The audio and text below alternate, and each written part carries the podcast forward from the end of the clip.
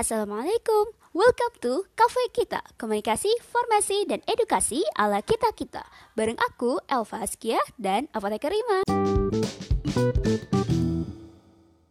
Suatu hari di Cafe Kita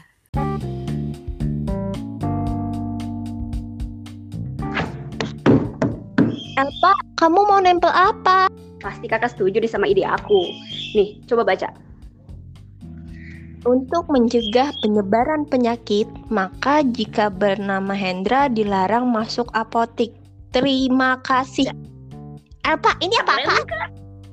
Hei, ini apa apa? Jangan kudet. Ini tuh cara buat mencegah penyebaran virus baru, Kak. Sebelum terjadi pandemi, Kak, lebih baik kita cegah. Gak gini juga konsepnya Elpa. Ih, tapi virus itu namanya virus Hendra yang jangkit ke manusia, Kak. Kita harus cegah. Begini Elpa, virus Hendra itu namanya bukan nama manusia. Kebetulan virus itu dari kuda atau spesies kelelawar tertentu yang menular ke manusia. Sebenarnya virus itu sudah ada sejak lama, hanya terjadi di wilayah tertentu dan musim tertentu saja. Ah, gitu ya.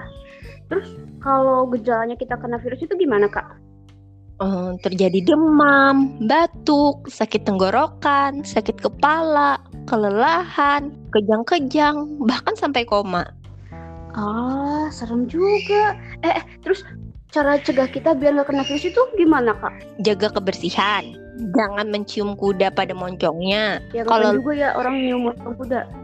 Ya kali aja kamu mau, kamu jomblo. Ya kakak. Lanjut, lanjut, lanjut, lanjut. Kalau luka kita tutupi dulu sebelum menyentuh kuda.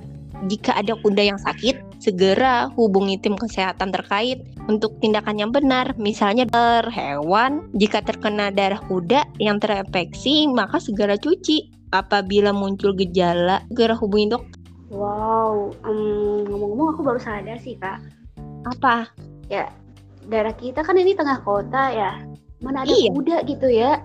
Kamu ngapain bikin selebaran? Ya nggak apa-apa, Kak. Barangkali kan kakak ingin menghindari virus toksik dari mantan kakak Hendra. Elpa, kan kebiasaan kamu sini. Iya sih. Aku hukum kau ya. Ya ampun.